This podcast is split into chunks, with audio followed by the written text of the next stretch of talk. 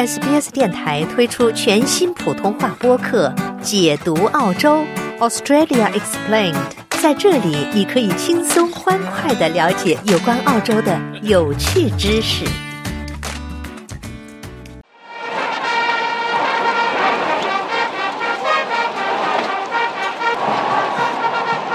今天，丹麦新君主腓特烈十世登基。澳大利亚塔斯马尼亚出生的玛丽成为王后。在澳大利亚，王室的支持者们在丹麦国王和王后初次见面的悉尼 Sleep In 酒吧以及玛丽的故乡塔斯马尼亚州举行庆祝活动。塔州的地标性建筑点亮了丹麦的红白两色，为丹麦国王和王后表示祝贺。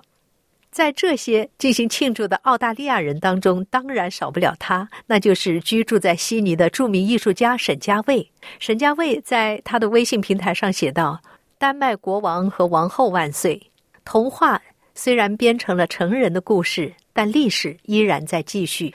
十多年前，沈家卫曾经为玛丽王后绘制了一幅巨型肖像画，这幅画现在依然展出在澳大利亚国立肖像馆。”沈家卫是如何和玛丽王后取得联系，为她绘制肖像画的？这期间有什么故事呢？沈家卫曾和当时还是王妃的玛丽在悉尼的香格里拉酒店面对面、近距离的待了三个小时。为了这幅肖像画，他们之间有怎样的互动？有着怎样的故事呢？今天我们就请到沈家卫老师来和我们一起分享他的这一段非常珍贵的特殊经历。九年前吧，那个。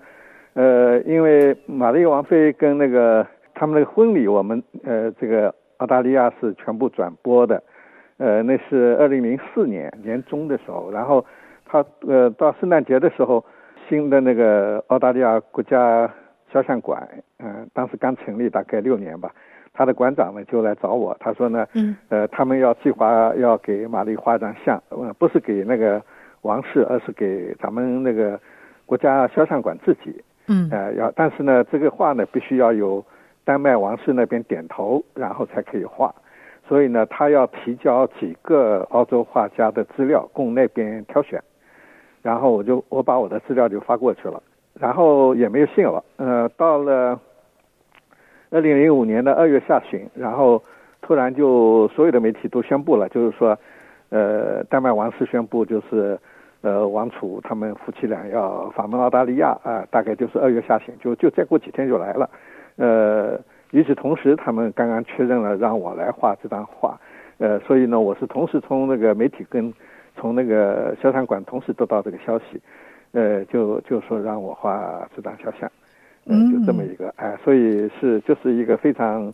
正规的一个程序来，嗯，而且这个中间程序还蛮长的。我记得在二零一零年和您在做一个电视专访的时候呢，我们其中呢有一段时间是站在您绘制完成的玛丽王妃的这个当时是王妃啊这个巨幅肖像前对话。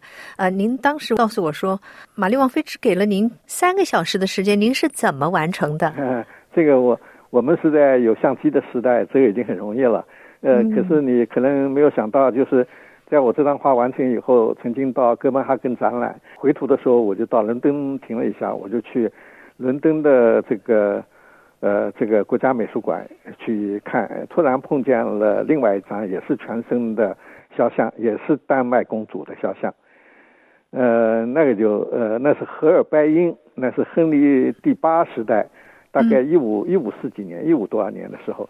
呃，受到亨利八世的委托，因为亨利八世当然老想找媳妇，他找到一个杀掉 一个，然后他就看上了这个，听说这个这个丹麦有一个王呃公主很不错，嗯，说但是他自己亲自去不了，他就委托这个呃这个他所信任的这个肖像画家啊那个侯尔白因亲自去一趟，说给这个公主画张肖像带回来看看，就跟当时要要个摄影师去拍张照片一样，结果他。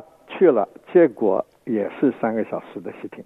这个我怎么知道呢？就在旁边那个 camping 上面就写的很清楚，说这个公主给他做了三个钟头，然后他就画了一张全身肖像，给了亨利八世，后来没选上好像是。但是您不一样啊，我有照相机啊，那那那那那可不是同日而语啊。啊，那您这个三个小时发生了什么？做了什么呢？这个他呢，就是一来这行程都是规定死死的，就是说。呃，给我做模特的日子定呃定在二零零五年三月一号。三月一日。哎，他们是呃月底之前到澳洲来的，那么过了几天就安排我去，是在他们下榻的这个香格里拉 hotel 第三十四层。嗯，所以一切都是呃准备好了，我就想哎，这穿什么衣服呢？我说这是工作不是吗？我就穿着我的牛仔裤和我的衬衫，然后我还带了助手，就是我太太王兰。呃，我们所以他也穿的比较随便一些，当然没有我那么随便。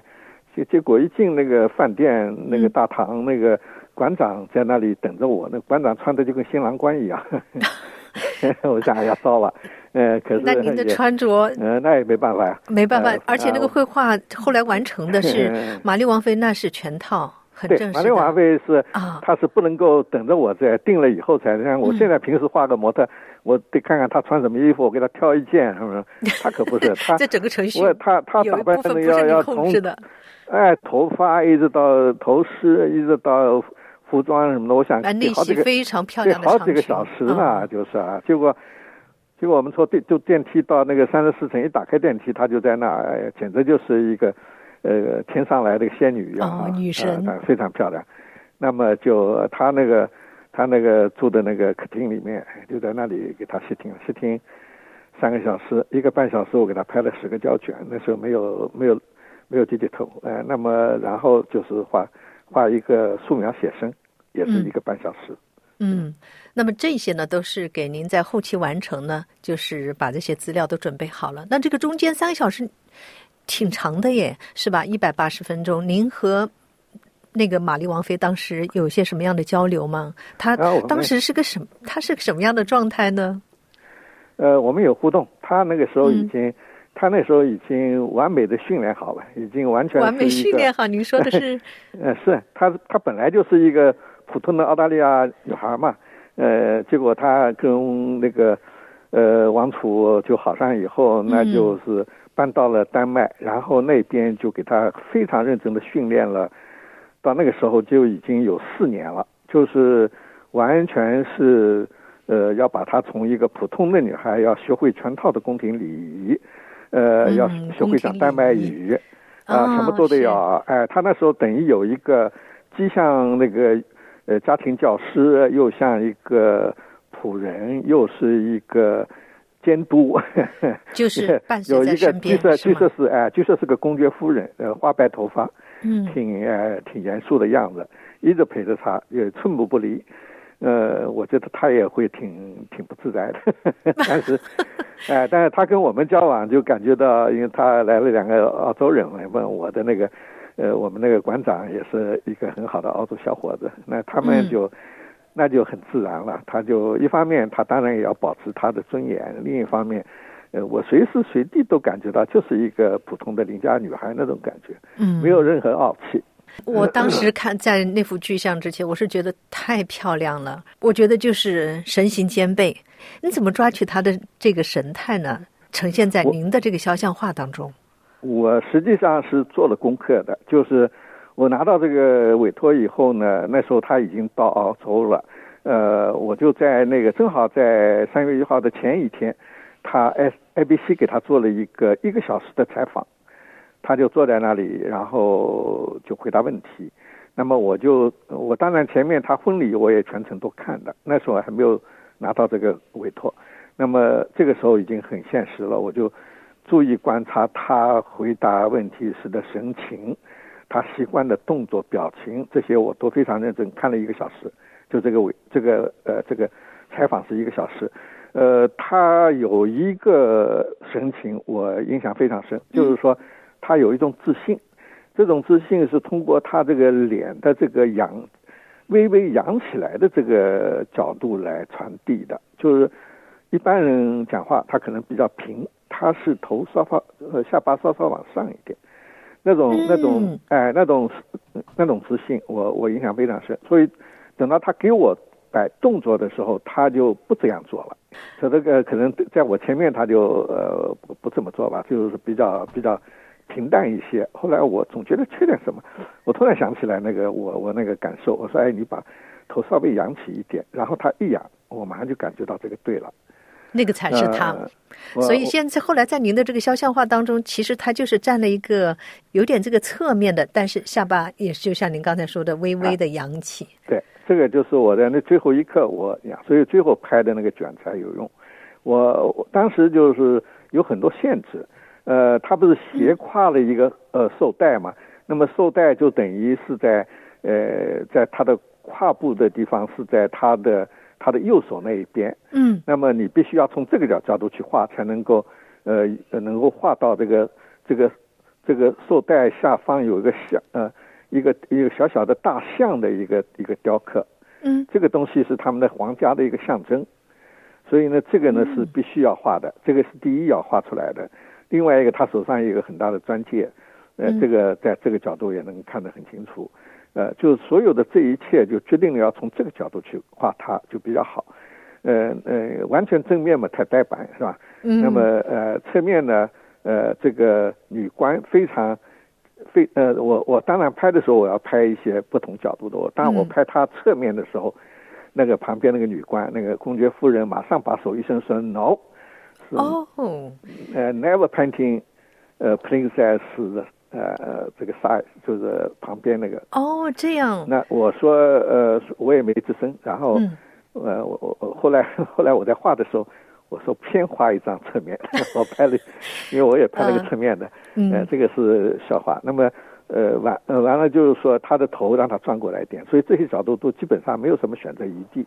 嗯，呃，我只能够就是说，所以最后那个头稍微抬起来一点，这个是非常重要的。对我来讲，这个才是最重要的。您想要抓取的，也想要呈现的。嗯嗯。现在这十多年过去了，王菲成为了广受欢迎的王后。那么这期间，因为这幅画的这个缘故，我猜想您是不是也会以特别的眼光来关注她的变化呢？啊，那当然，因为毕竟是我画过的一个一个人物嘛，所以她的情况我也比较关注一些。当然没有关注到跟那个。呃，八卦一样那么紧紧紧的盯着哈，但是，呃，我们说了，除了八卦之外，如果以艺术家的眼光，您是怎么 观察的？呃，我我当然注意，因为我实际上我事后才知道，他给我当模特的时候，他刚刚怀孕啊，呃，所以就是说，那个就在那那个那个时间，那个现在的新的王储啊，新的王太子，嗯，已经在已经在他呃身体上发育在那里面。嗯，悄悄的一个胚胎，呃，那么现在，所以多少年，他多少多少岁，就是就是我给画画像多少年，没想到他能够那么争气的哈，一生生了四个，后后面两个还是双胞胎。我听起来觉得您还是挺高兴的为他，本事很大。嗯，我们说，假如啊，您现在还有机会再绘画他，您觉得会不会有一些的这个变化呀？他的没有，他的身材完全没有走样，还是那个样子。身材还是没有嗯，他他都没有哎，一一般的女士，你想生了四个孩子，而且二十年过去了，那应该说变化很大的。她几乎没有变化。我昨天嗯，呃，我在往朋友圈发照片的时候，注意了一下她最新的照片，只是在笑的时候，这个眼角稍微有一点鱼尾纹哈，稍微有一点，基本几乎看不出来。所以这个。这个也是也是很很了不起的，嗯，您观察的非常仔细，您高兴吗？听到这个消息，就是王妃升任呃王后。当然，如果她作为一个呃作为一个呃呃王太子妃哈，那个随时这种这种可能性啊接班哈变成一个王王后，这是随时都会发生的。呃，我也知道她的那个。他们那个母后啊，就那女王也是年纪当时就比较大了，因为现在已经八十多岁。是八十岁。那那哎，所以他呢主动让位嘛，但这还是有点有点呃意外吧，那么快哈。嗯，好事吧，反正好事，我觉得也很及时。谢谢嘉威老师跟我们分享这段非常珍贵的经历，谢谢您。啊，谢谢您采访。想听到更多这样的故事吗？您可以通过苹果播客、谷歌播客、Spotify。或者您喜爱的方式下载收听。